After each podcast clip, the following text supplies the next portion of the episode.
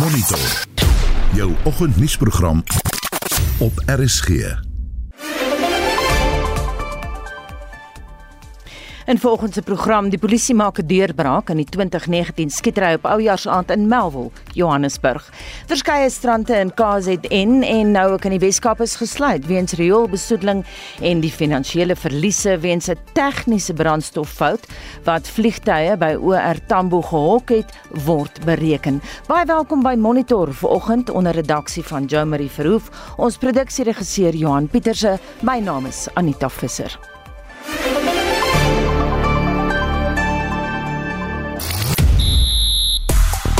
In vanoggend se sport die Suid-Afrikaanse mans hokkiespan vir die binnenshuise wêreldbeker word bekend gemaak. Australië dreig met 'n groot telling in die derde krieketoets teen die Proteas en Nasser Al-Attiyah rek sy voorsprong by die Dakar tydren. Ek is Shaun Schuster vir RSG Sport. Ons het gister berig oor die renjaer en Waghals Ken Blok se ontydige dood vroeër die week in 'n sneeumobiel ongeluk. Blok se aanhangers vertel steeds op sosiale media oor hoe hy hulle liefde vir motors laat blom het en dat hy hulle selfs geïnspireer het om hulle eie tydrenmotors te bou.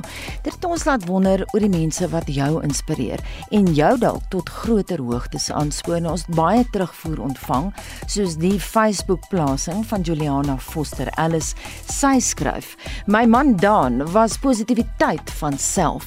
Al het hy 6 jaar lank kanker gehad, hy het nooit gekla nie en hy het ook nooit van ander mense gepraat of geskinder nie. Hy was 'n voorbeeldige man en het almal geïnspireer. Hy was alom geliefd.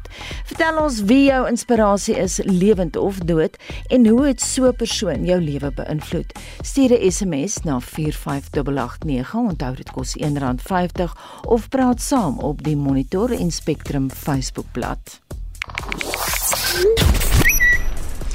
Op sosiale media is die hitsmerk Cape Town al meer as 5000 keer gedeel, natuurlik omdat die moederstad so gewilde vakansiebestemming is, maar veral oor 'n video wat wyd op sosiale media versprei is oor 'n rob wat in vlak seewater mense aangeval het. En op 'n ligter noot word die hitsmerk Dam and Dammer duisende kere internasionaal gedeel en nie met verwysing na die destydse lokettreffer nie, maar met verwysing na die Amerikaanse Republikeinse politisie Matt Gaetz en Lauren Boebert wat gister in die Amerikaanse Kongresgebou verdwaal het, maar op kamera deur joernaliste vasgevang is. Ek is later terug met nog sosiale media nuus.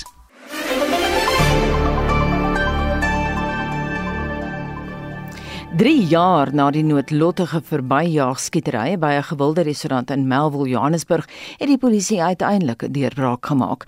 In 2019 op Oujaarsaaand is 2 mense dood en talle ander gewond nadat 'n onbekende aantal verdagtes op restaurantgangers losgebrand het. Vincent Mofokeng het meer.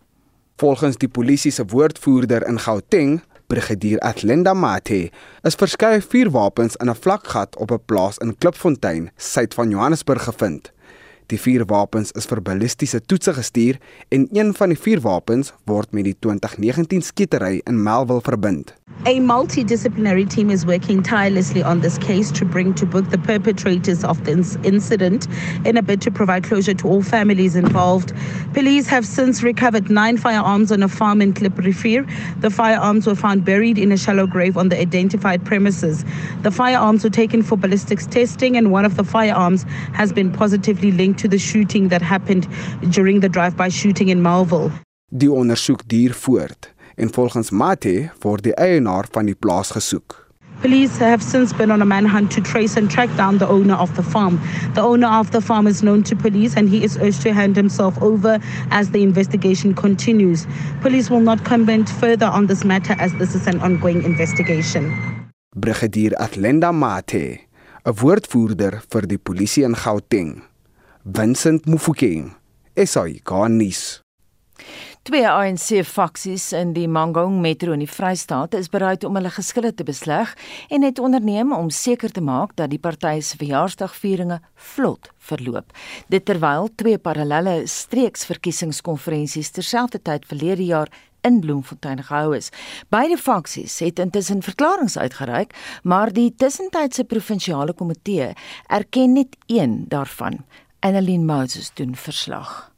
Die ANC in Mangaung is oorweldig deur faksiegevegte, maar is nou bereid om verskille uit die weg te ruim. Dit terwyl alle oë op die Januarie 8 vieringe gerig is wat die naweek in Bloemfontein plaasvind. Die ANC vier ook sy 111de bestaanjaar. Daar is egter probleme omdat twee streekstrukture terselfdertyd funksioneer. Die ANC-voorsitter Gwedi Mantashe het 'n streng waarskuwing oor enige ontwrigting gerig. There will be no disruption. You see when you misbehave, you get punished. Okay. And if we emphasize that people who misbehave get punished, people will know that the ANC is no child's play. Die provinsiale leierskap het uiteindelik tussen beide getree om te verseker dat die vieringe 'n sukses is. Die woordvoerder van die ANC se tussentydse provinsiale komitee is Oupa Gwabane. All the members of the ANC are part of the events. As to the issue of differences that are there in the region, at this moment they don't exist because everyone is ensuring that the events become successful and that the president is able to give that statement that gives us an important message on what is it that we have to do. Albei strukture het onderneem om hulle verskille op sy te sit na 'n vergadering met die provinsiale leierskap. Die voorsitter van die ANC in die Mangaung Metro is Lawrence Matai. There is only one structure in the region. That structure is recognized by the IPC. However, we are working with everybody. All people who are members of the ANC, all comrades who are members of the ANC are part of the program. They are on the ground. Fanny Lidimo verteenwoordig die ander faksie. We are happy, as I have indicated, that we met with the IPC uh, officials. They have accepted that there are two structures in this region, and that does not sit well with the structures of the ANC because there won't be any progress now. As I said, we are hopeful that after January 8, we will sit down, we will work together, and come up with a political solution. Die ANC in die Vrystaat het vir die derde agtereenvolgende jaar nie 'n provinsiale uitvoerende komitee verkies vir die nasionale konferensie in Nasrek verlede maand nie. Die nuutverkose ANC sekretaris-generaal Fikile Mbalula is vol vertroue dat dit binnekort sal gebeur. Die verslag is saamgestel deur Refilwe Mekwa in Bloemfontein en ek is Annelien Moses vir SAK nuus. Die euwel van reëlbesoedeling by strande in KZN in die Kaapse Metro het heelwat toeriste weggehou. Annelien Moses berig oor die inkomste wat verlore is en wat omtrent die situasie gedoen word. Die DA se woordvoerder vir samewerkende regering in KwaZulu-Natal, Martin Meyer, sê die regering het aangekondig dat 200 000 mense strande besoek het. 2019 wat ons in die laaste regtig goeie jaar is wat ons gehad het. En toe het 250 000 mense per dag kom besoek. Nou praat hulle van 200 000 mense het oor die feesseisoen kom besoek. So dit is 'n drastiese val. Weet hulle het geskat in 2019 1 miljoen mense het die strande oor die Kers 3 dae besoek en hierdie jaar is dit aansienlik minder. En as mens ook dat die geld kyk, weet dit gaan ons maar oor ekonomie op die einde van die dag. In 2019 het die stad gesê dat daar so 3 miljard rand gespandeer en tot die stad se koffers bygebring oor die algemeen. Hierdie jaar is dit 350 miljoen wat ook 'n drastiese geval is van van 2019. Meyer sê Umhlanga en 'n paar ander strande was vir die meeste van die vakansietydperk gesluit. Umhlanga strand natuurlik 'n baie belangrike strand vir ons toerismebedryf. Battery Beach, Brighton Beach was gesluit, Winkelspruit en Amanzimtoti. En as ons oor die algemeen kyk, omtrent die helfte van die strande was nog steeds toe gewees oor Kersfees. Hy sê na herhaalde navrae aan die metro is hulle verwittig dat werk aan pompstasies voortgesit word.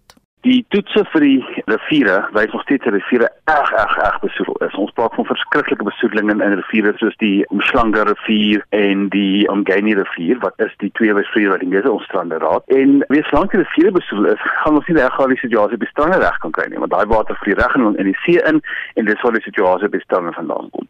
So die fokus moet nou van die stad af definitief gaan om die riviere skoon te kry, om die rioolwerke werkend te kry, sodat ons 'n langtermyn oplossing kan kry. Die woordvoerder vir water en sanitasie van die Kaapse Metro, Farouk Robertson, sê hulle het soortgelyke probleme ondervind. Die riool um, sorting was die een in Strand in die Alderberg area. Dit is daar net so voor Deep Blue en die ander was gewees Small Bay in die Blouberg kant. En dan het ons nou net die onlangs een ook vir vishoek. Die twee strande is in die tussentyd opgestel gister. Dit is die een in Stranden is oopgestel en die ander een in Small Bay uh, Blouberg. Want die wateranalise het getoon dat die syfers is binne die toelaatbare nasionale standaard. Boonop het beerdkrag ook 'n invloed op die rioolpompstasies omdat nie almal kragopwekkers het nie. Rioolpompstasies veral het ons opgeharkenke aan die onderkant en dit hang af wat die volume is ten tye wat die beerdkrag nou inskop. Ons het 'n hele paar van ons rioolpompstasies het kragopwekkers en sommige van die impakte wat daar is is direk en anders is indirek. As die volume hoog is ten tye van die beerdkrag, dan kan dit dan daartoe lei dat daar oorvloede is vir die pompstasies en dit hang af dan ook uh, waar dit geleë is en dit kan dan uh, sodoende impak hê op die onmiddellike omgewing. Hy sê dit skep probleme by pompstasies wanneer mense die rioolstelsel misbruik.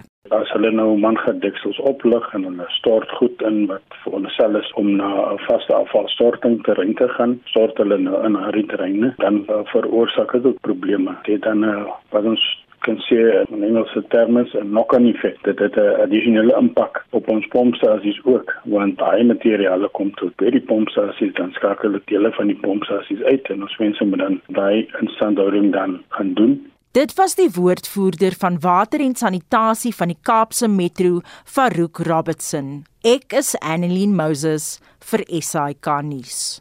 En ons verskuif nou na die fokus na die Nelson Mandela Bay Metro in die Oos-Kaap. Monitor het in die aanloop tot die feesgety breedvoerig berig oor die waterkrisis en ander infrastruktuurprobleme daar.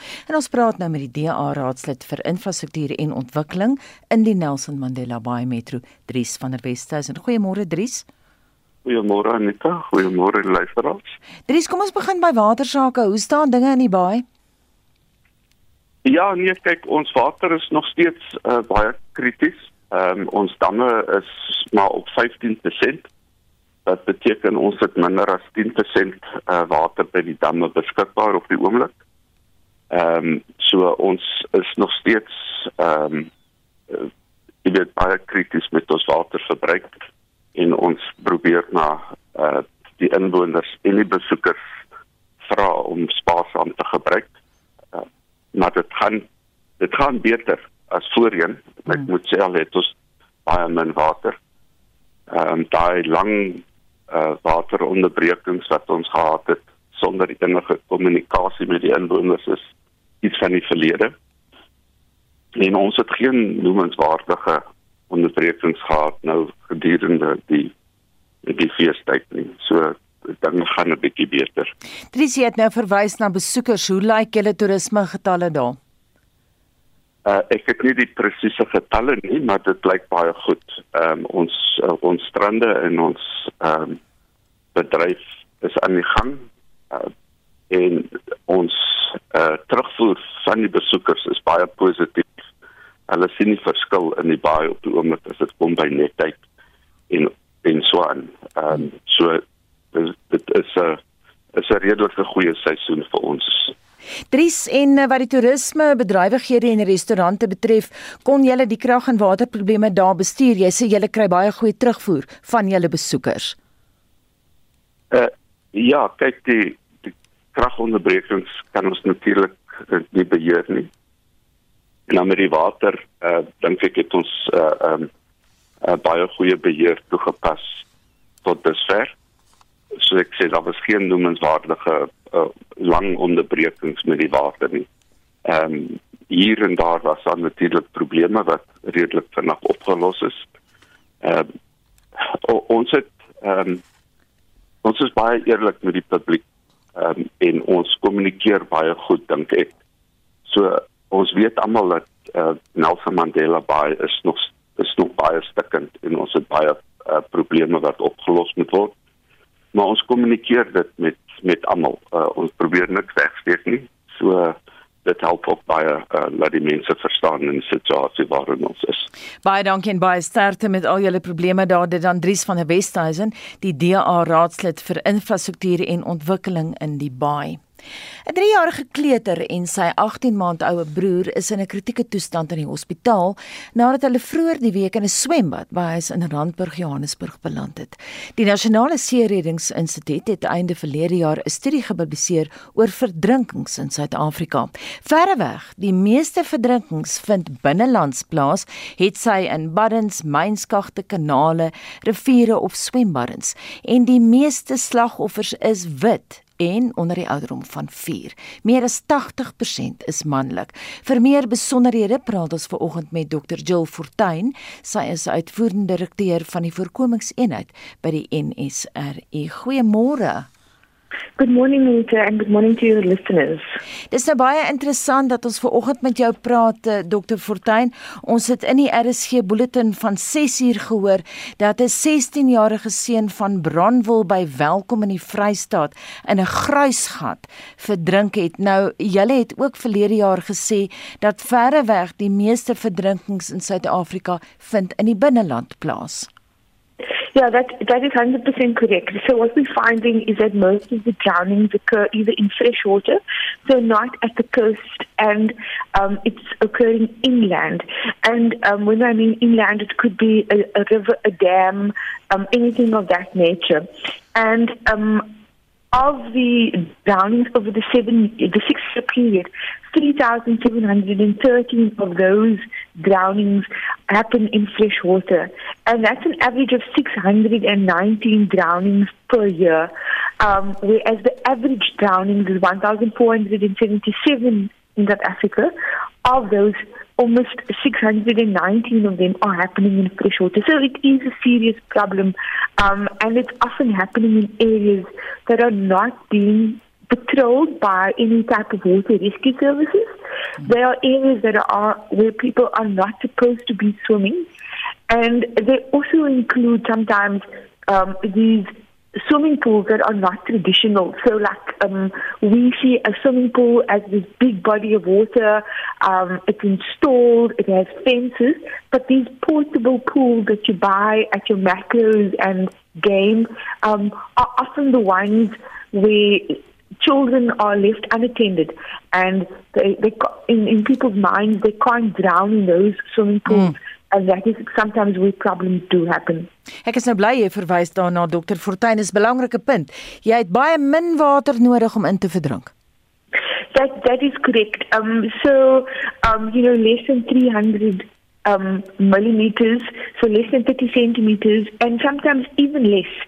So often when our water safety education teams go around to schools and places um, to go and educate people around water safety, they put their finger on their nose and the other finger on the chin and they say to the child, that's the amount of water that you could potentially drown in. That's all it takes.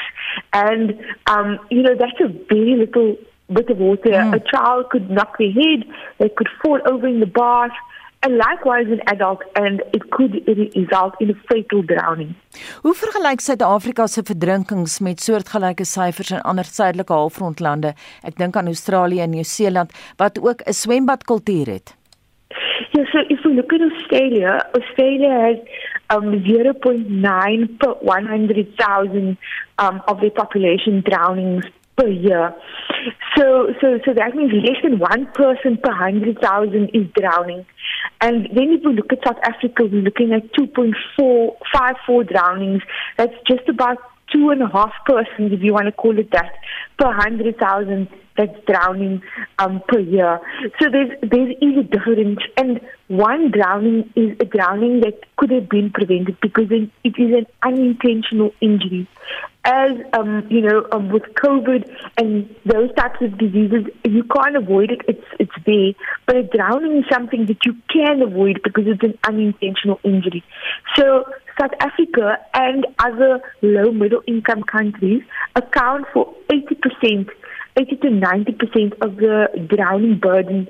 So, of all those drownings that happen globally, the low middle income countries contribute significantly to drownings. And when we compare South Africa in particular compared to Australia, we are not doing really well um, in terms of managing and preventing our drownings. Mhm. Mm jy het verlede jaar in onderhoud met Times Live gesê uh, it comes down to supervision. Dit het jy beskou as die grootste probleem. Is daar soms 'n probleem met ouers wat dalk by die swembad is? Die kinders swem nou. Hulle staan daar rond, maar hulle drink dalk. Yeah, so that that is one of the major issues. Look, I mean, every parent is entitled to enjoy themselves. Every parent, um, every child is entitled to, to, to have fun during the summer. And we're not wanting to be the voice of doom and gloom, but we are appealing to parents. We are appealing to caregivers to please supervise diligently. It just takes a, a split second for you to turn your head and onto the phone, or um, bec- uh, because you may be drinking and your reaction time is not as quick, is to miss um, uh, an incident happening uh, in and around the swimming pools or in and around the home. Um, these are often innocent mistakes, but they do end up in a loss of life, and that impact of the loss of life. It doesn't just stay with one for that period, it stays with you for many, many years. So, our appeal to parents is when you are supervising your child in and around water, to do it vigilantly, to do it um, you know, do not lose focus while you're doing that. And alcohol and socializing does become a challenge. So if you're the designated driver, you're told you, you, you're not allowed to drink. Likewise, if you're the designated supervisor on duty, you're playing lifeguard with your children swimming around the pool, allow the other adults to enjoy themselves, and you take on the responsibility of the designated supervisor um, in and around water. Sê vir my as mens kyk oor die afgelope paar jaar, dan lyk dit vir ons as media mense nie asof verdrinkingshuise afneem nie. Elke jaar vertel ons dieselfde storie. As mens kyk oor die afgelope dekade, hoe staan verdrinkings? Het dit afgeneem of toegeneem dink jy Dr. Fortuin? Um, so it has come down up until 2019, 2020. It it did start coming down. Um, and we can attribute that to a lot of things, uh, such as um, drowning prevention in initiatives of the National Sea Rescue Institute and other water rescue services in South Africa. Um, we can attribute that to, um, you know, more people um, uh, learning how to swim, but it's still not enough. And then we saw an, a surge in the drowning in 2021, and then we expect it to be even higher for the stats when we collate that for 2022. Um, and we expect it to rise as time goes on. And this is attributed to a number of things. One, there is, um, as you know, climate change. Um, we have hot seasons. We have um, floods. And in those floods, in those hot seasons, we will see some drownings. The flood, it, it, by its nature, could result in more drownings, and that obviously increases the number of drownings per year. Then, when there's these hot days and there's bodies of water where children are not supposed to be swimming, where people are not supposed to be swimming, they are so desperate to enjoy water, to cool off, that they end up swimming in unauthorized places, and then we see a surge. We also had seen a surge after COVID, um, and you know, by by nature, there was a complete lockdown, and now there's this. You know, we can swim, we can go to the beaches, we can socialize, we can drink while we go to, um, you know, socializing because alcohol is now more readily available. So we did see in 2021, we definitely did see an increase, but we hope that we could bring that under control and start seeing it coming down by 2023, 2024. Um, but obviously, I can't guarantee that. Our efforts need to continue. And um, we had that season, and we hope that it will decrease in the future. Baie dankie en so sê Dr. Jill Fortuin, uitvoerende direkteur van die verdrinkingsvoorkomingseenheid by die NSRI. Jy luister na Monitor. Elke weekoggend tussen 6 en 7.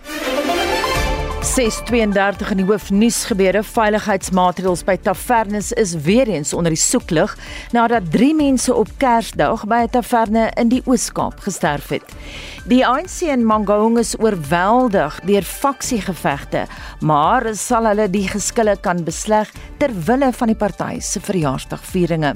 En die Wêreldgesondheidsorganisasie is bekommerd oor die skerp stygings in COVID-19 gevalle in China en vra dat die land dringend vanoggend syfers oor hospitalisering en sterftes bekend moet maak. Bly by ons.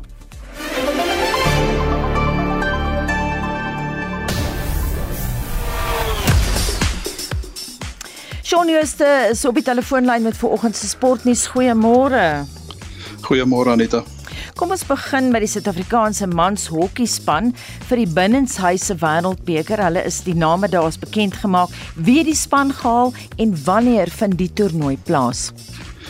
Jethro Eustace is aangewys as kaptein vir die toernooi en van die ander bekendes in die span is die Kasim broers Mustafa en Dayan, dan ook uh, Anton van Logrenburg en Justin Domleo is ook ingesluit. Die vroue span is ook reeds vroeër die week bekend gemaak en hulle word deur Jessica O'Connor aangevoer. Dit is die 6ste binnenshuise wêreldbeker wat plaasvind en vir die eerste keer buite Europa. 12 mans en 12 vroue spanne ding mee vir die trofee en die toernooi vind tussen 5 en 11 Februarie in Pretoria by die Hartsveld Arena plaas en kaartjies kan by itickets.co.za gekoop word. Sondag een van die derde en laaste toets tussen die Aussies en Suid-Afrika is deur swak lug en reën oorheers. Wat gebeur op dag 2? Australië het die dag op 147 vir 2 begin en nou teen uh, teetyd staan hulle op 394 vir 3. Steve Smith het sy 30ste honderdtal aangeteken en Asman Khawaja vir die vierde keer in sy loopbaan verby 150. So 'n baie moeilike dag vir die Proteas. Dan is dit dag 4 van die tweede toets tussen Pakistan en Nieu-Seeland. Pakistan begin die dag op 407 vir 9 in hulle eerste beurt, nog 42 lopies agter Nieu-Seeland se eerste beurtelling van 449. So ek dink ons staar geen uitslag in die gesig in daardie toets. En dan vanmiddag al 4 pak Indië en Sri Lanka mekaar in die tweede wedstryd van hulle teen 20 reeks en dit die eerste wedstryd met twee lopies gewen. En dan skof 4 van die Dakar tydren is deur ou bekendes oorheers en Qatar se Nasser Al-Attiyah rek sy algehele voorsprong. Ja, die Fransman Sebastian Loeb het gister se vierde skof gewen en uh, in die tweede plek was die 14-malige kampioen Stefan Peterhansel. Carlos Sainz van Spanje was derde en Alatia in die vierde plek. Nou dit was Loeb se eerste oorwinning vir 2023 en die 17de van sy loopbaan. Alatia is nou meer as 18 minute voor Saudi-Arabië se Yassid Al-Raji. Suid-Afrika se Henk laat gaan en Janiel de Villiers is algeheel 5de en 7de nadat beide onder die top 10 in gister se vierde skof geëindig het. Vandag se vyfde skof is 373 km lank. En dit was Shaun Jooste van RSG Sport. Daar is op net kommer oor veiligheidsmaatreëls by tavernes nadat nog twee tienermeisies en 'n jong vrou op Kersdag by 'n taverne in Hofmeyer in die Oos-Kaap dood is. Dit volg op die dood van 21 jong mense by die Enyobeni taverne in dieselfde Oos-Kaap in Junie verlede jaar. 'n Massaskietery by 'n taverne in Pietermaritzburg waarin 4 mense gedood is en tavernes in KwaMashu en KZN waarop die polisie toegeslaan het. Die is glo brandpunte vir verkrachtings en moord. En ons praat nou hieroor met die kommunikasiebestuurder van die Suid-Afrikaanse Alkoholbeleidsalliansie vir Suid-Afrika, Terelisa Fortuin. Goeiemôre. Goeiemôre. Terelisa, die Oos-Kaapse polisiekommissaris, sê eienaars van die tavernes moet self die veiligheid verseker van mense wat daai tavernes besoek, maar gebeur dit in realiteit? En dit is nogal problematies dat die polisiekommissaris kommissaris die seven owners sê hulle moet hulle kliënte veilig hou. Uh die polisie speel dan so 'n groot rol daar in om ons gemeenskappe veilig te hou. Ehm um, so as ek kyk na na hierdie insident wat jy nou net ehm um, genoem het uh, naby Hoofmeyer en en en en uh, 'n paar van die ander ehm um, insluitende Emiobeni. Ons sien ehm um, kinders wat nie eens in 'n tavern hoort nie. Hulle hulle dit is teen teen die wet vir kinders om alkohol te koop. So hulle koop nou drank. Ehm um, en hulle in hierdie tavern wat wat teen die wet is. So definitief ook 'n enforcement of 'n toepassing issue. Ehm um, wat aangespreek moet word. Ehm um, die wette is daar, maar die enforcement moet beter geboost word. En Terelisa sê vir my, hoe gaan julle dit uh, hierdie hele saak verder dryf? Um ons is 'n NGO wat in die public health sector werk. Ons um lobby vir legislation wat um um drankskade verminder.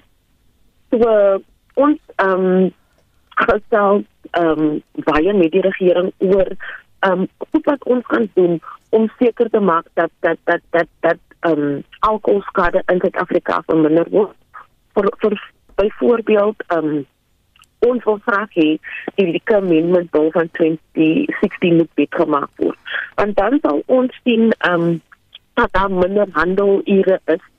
Ehm um, wanneer mense drank kan koop ons sal ook sien dat daar geen advertensies is behalwe by point of sale nie. Hmm. Ons sal ook ehm um, sien dat daar minder plekke is waar mense eintlik drank kan koop. So ons werk um, om seker te maak dat dat dit, kan gebeur. Maar ons wil ook graag hê dat government 'n whole government approach moet hê um, om alkoholskade te verminder. Ehm um, maar dit is nie net ehm um, uh, die taverns wat die probleem is die uh, die probleme in ons gemeenskappe.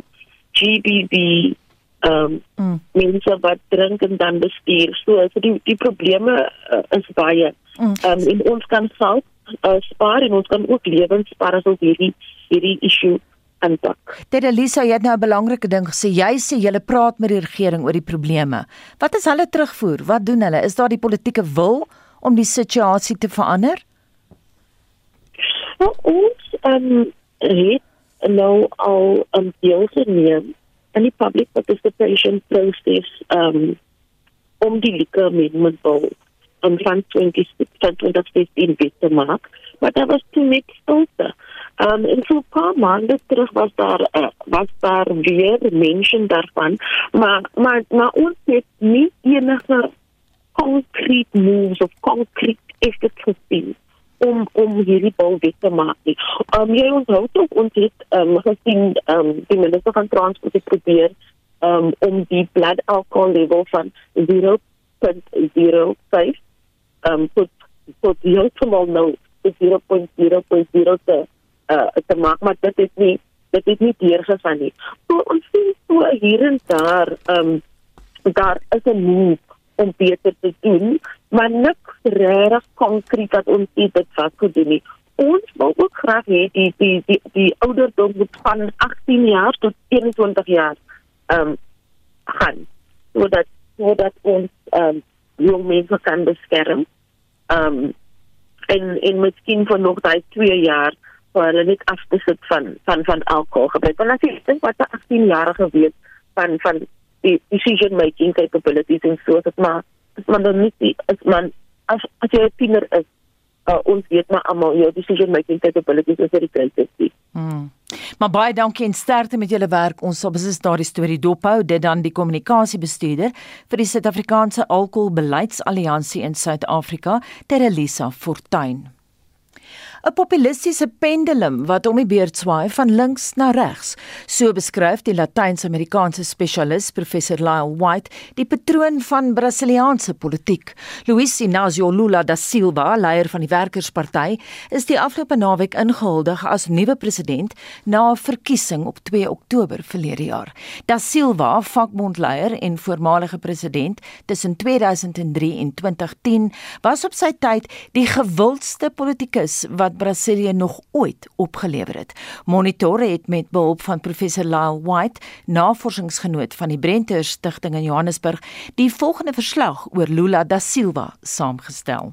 He was part of the Metal Workers Union and he's got a long history of running for the presidency, having lost various runs through the 1990s against the likes of Cardoso and others. He finally came to power in 2003, he came to power, which was exactly 20 years ago to the day when he assumed uh, the reins once again on the 1st of January 2023. He left office in 2010 with an approval rating of around 83%, the highest of any Brazilian president in history. In 2005 is die Werkersparty aangekla van stemmekopery. Trouwens, nie minder nie as 40 van Lula se raadgewers is destyds strafregtelik aangekla en Lula self is tronk toe. In 2018, he spent 18 months behind bars on those corruption charges, on the corruption charges of paying for votes and doing a whole range of other things. The Workers' Party, known as the PT, is widely regarded as a deeply corrupt party, and this is one of the pledges that Lula da Silva has made, is he will weed out corruption even out of his own party. Obviously, the corruption charges that put him behind bars in 2018 they were annulled, which allowed him to run for another election against Jair Bolsonaro, the right wing populist, which he beat at the polls in October of 2022. Bolsonaro wat 49,1% van die stemme op hom verenig het teenoor Lula se 50,9 het nie die amptelike inhuldiging van sy politieke teenstander bygewoon nie, maar het sy wonde gaan lek onder die vergulde dak van Donald Trump se Mar-a-Lago in Palm Beach. Yes, this is sour grapes. They are sore losers, many of these populists, and he's been sulking ever since he lost the election back in October 2022. In fact, in the last two months since Lula won the election very narrowly by, it was about two percentage points, in fact. What he did on Friday evening, just before the inauguration of Lula on Sunday, the 1st of January, Bolsonaro fled Brazil on a private flight to none other than Florida in the United States, where he could watch the inauguration from afar. Gevra oor wat Lula se sterkste eienskappe is, is professor Lyle White se antwoord onomwonde. Lula da Silva is 'n uitstekende bemiddelaar. He's widely regarded and he's got decades of experience and he's regarded as building strong coalitions and that's what he's done before for the Workers' Party and for his administration between 2003 all the way past 2010. Brazil is at a precarious moment in its history, it always is. You know, Brazil and Brazilians themselves have called Brazil the country of the future and it always will be. But this has never been more true than today. This is a country that is not only divided economically, it's one of the most unequal countries in the world, but it is divided on every level and every spectrum of politics. So het Lula dan ook beloof om bande tussen Brasiliane van alle politieke partye te verenig. Helaas lê daar 'n moeilike pad voor hom. Brazil is suffering from massive government debt under the leadership of Bolsonaro. GDP growth at the end or in 2023 is only going to be around 1%. The growth rate when they left in 2022 was around 3%, but that was all around the boost that the elections gave the country at the end. But inflation has really peaked at over 10%. Poverty levels have increased since Bolsonaro came into power. So Lula's got to deal with all of this. But the biggest thing that I'd be watching right now is government debt, which has surged above 80% of GDP. Die vraag is nou of Lula as linkse populis met sy eie prioriteite dit gaan regkry om Brasilië se skuldlas te verminder. Let's not forget that the areas that Lula will be focusing on, he'll be focusing on social policies. He'll be focusing on the environment.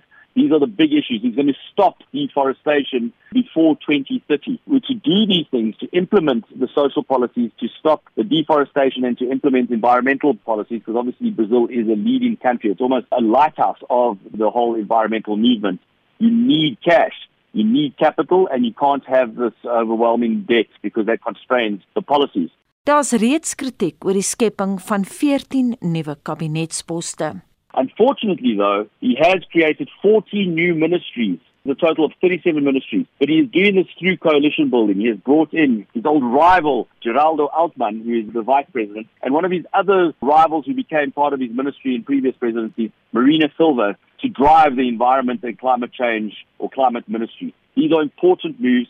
And finally, in terms of where it is or why it is important for South Africa, Lula da Silva has always prioritized foreign policy, always prioritized multilateral engagement. And South Africa and Africa is squarely at the center of this focus of foreign policy. In 'n hoofartikel wat Business Day op 31 Oktober 2006 gepubliseer het, staan geskryf: "There's great sympathy in the South African government for Brazilian President Luiz Inácio Lula da Silva, who at the weekend won a resounding victory with more than 60% of the vote in the final round to gain a second term in office." 2023 en sake lyk anders. Die keer is Lula se oorwinning skraps en mens kan maar net wonder wat die Suid-Afrikaanse regering daarvan dink.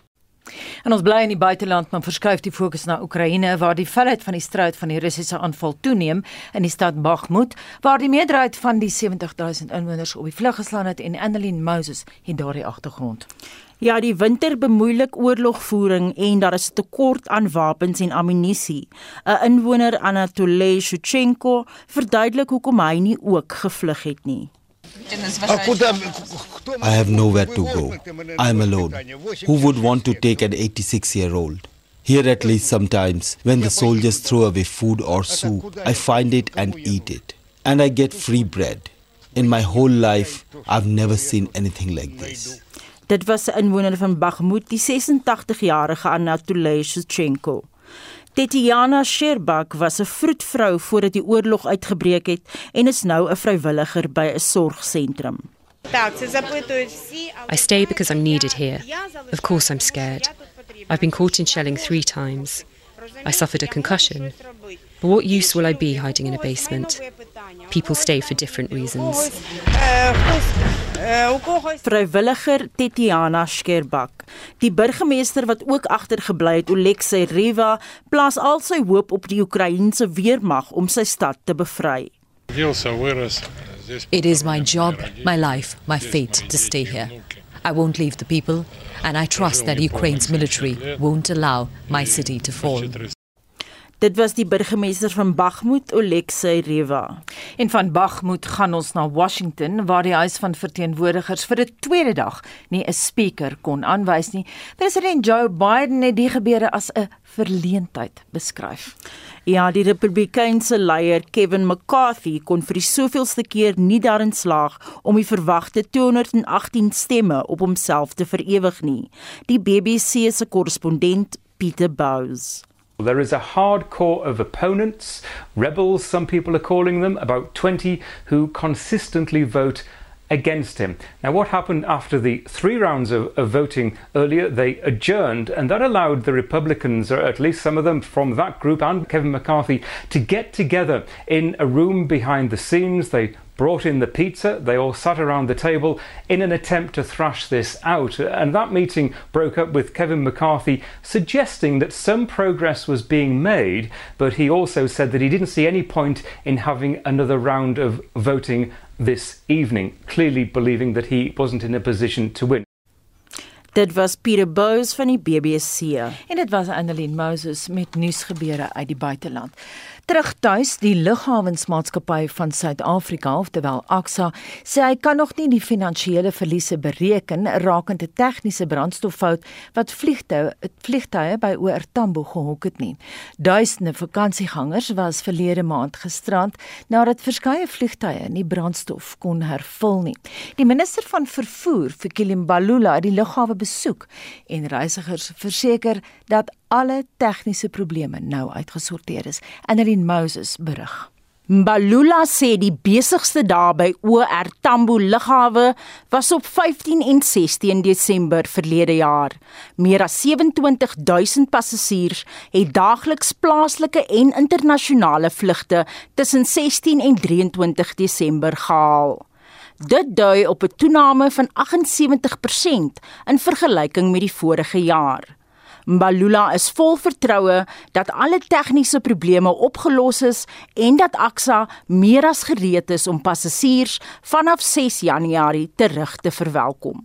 So this was literally an accident. We are happy to report that those issues are a thing of the past as we have managed to stabilize jet fuel stock levels at all our airports to ensure that we have sufficient to comfortably meet demand even during peak season. I would also like to thank our employees at AXA, stakeholders, and partners for their tireless efforts in ensuring that OR Tambo International Airport was geared to handle the influx of thousands of passengers during the festive season. Die bestuurshoof van AXA, Mpumi Mpofu, brei uit. On the 28th of December, the fuel hydrant tightness control test failed to commence at 3 a.m. And then the emergency shutdown valve that connects the fuel farm to the hydrant did not actuate. It remained in closed position. The manual mode of operation, which is per procedure, is something that we should have actually done, was attempted, but this was not successful.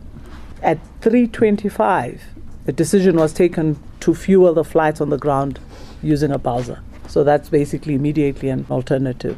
Mbalula sê AXA het ook sy infrastruktuur by die lughawe verbeter, insluitend huisbakke, roltrappe, trollies en al die toerusting wat nodig is om die beweging van passasiers te vergemaklik. Hy sê hulle fokus ook op die opgradering en uitbreiding van die parkeerinfrastruktuur om gebiede van opeenhoping aan te spreek. We currently have a total of more than 12000 parking bays at OR Tambo International Airport, and all of them are operational. At the same time, AXA has introduced several technology solutions, such as e-gates to further streamline passenger processing and shorten waiting lines. This is further complemented by efforts to increase AXA's human resource capacity, which has enabled us to provide excellent service during the holiday season. The addition of a variety of new airlines and flight frequencies during the peak period tested our systems and procedures even further. Die regering sê dit was onmoontlik om geld te bestee aan Axa se kapitaalprojekte weens die COVID-19 pandemie. Mbalula sê verskeie projekte het gestagneer as gevolg van finansiële uitdagings. Axa sê hulle werk saam met lugrederye om kapasiteitsprobleme die hoof te bied. Die regering werk ook aan 'n burgerlike lugvaartstrategie wat die SAL en sy nuwe vennote se stabiliteit en likwiditeitsprobleme die hoof te bied. Die verslag is saamgestel deur Amina Akram van ons ekonomiese redaksie en ek is Annelien Moses vir SAK nuus. Rolspelers sê dit gaan maande neem om die voordeel te put uit die verlaging in die brandstofprys.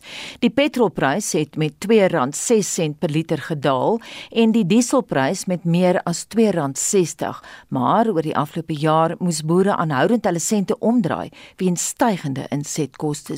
Esre Clark het meer. Boere is hard aan die werk met voorbereidings vir die plantseisoen. En hoewel die daling in die brandstofprys groot verligting bring, sal die voordeel daarvan eers later gevoel kan word, sê die bestuurshoof van die Afrika Landbouvereniging van Suid-Afrika, Tandeka Mbasa. The fuel decrease is welcome because, as you would appreciate, it affects the whole value chain, irrespective of the commodity that we're dealing with. But because we have had so many back to back increases in fuel, we're not likely to feel the benefits right now. Economists are anticipating that maybe after a few months, we will even begin to see positive impact on the inflation. Die voorsitter van Graan SA, Derek Matthew, sê die verlaging van die brandstofprys is net te laat vir die plantseisoen. Farmers have mostly planted their crops and most of the fuel has been used and spent. So that's been expensive fuel. So going forward, it's now cheaper. So it's, of course, helpful, especially to those farmers that are still working lands that haven't planted yet and are still busy with their field work. But those that have already spent the money have spent the money. Boere is egter optimisties dat 2023 'n produktiewe jaar sal wees. Die verslag is saamgestel deur Zebulon Maine en ek is Estie de Klerk vir SAK nuus. En in sosiale media word die hitsmerk Ramaphosa wyd gedeel en dit is nadat president Ramaphosa gister besoek in Bloemfontein afgelê het ter voorbereiding van die ANC se 8 Januarie herdenking Sondag. Hy het gesê hy het vertroue in die ANC se nuutverkose top 7 en sê die party moet herenig word. En onder die hitsmerk 2023 Pi Solutions in 'n kompetisie waar mense geld kan wen, deel mense hulle drome en prioriteite vir vanjaar. Van groentetuine maak waar dit hulle inkomste kan verdien tot spaar om 'n erf te koop om 'n huis te kan bou. En ons wil vanoggend weet in terme van ons SMS vraag wie inspireer jou en uh, baie wyd uiteenlopende name hier uh, op die papier voor my. Benita Badenhorst skryf: Matthys Roots en Erik Holm is goeie voorbeelde. Hulle leef voluit en laat hulle nie onderkry nie. Hoeveel van ons kan dit sê? Is 'n goeie vraag daai Benita en dan skryf Rex Bester Helen Keller. Sy het op die ouderdom van 19 maande doofstom en blind geword weens 'n baie ernstige siekte. Reeds in 1968 gesterf, maar sy is steeds 'n inspirasie vir al vir gestremdes. En een treffende boodskap van haar is I was blind, now I see. I was deaf, now I hear. I was dumb, now I speak. The hands of others wrought this miracle in me, and it was uh, through the hands of others that I found myself, found the world, found my soul and love and God. Without my teacher, I should be nothing. Ons eindig met Rensha Maslow Maasdorp. Nee, wat? Daar's niemand wat my inspireer nie. Die laaste persoon na wie ek opgekyk het, het uh toe sy meisie deur die badkamer deur doodgeskiet. Nou, ek dink ons weet almal wie dit is en op daai filosofiese noot moet ons groet. Onthou vorige uitsendings van Monitor is op ons webblad as 'n potgooi beskikbaar. Gaan na www.rc.co.za en daarmee groet ons namens ons waarnemende uitvoerende regisseur Justin Kennerly, die vrou in die warm stoel vanoggend, Jo Marie Verhoef, ons produksieregisseur Johan Pieterse en my naam is Anita Visser.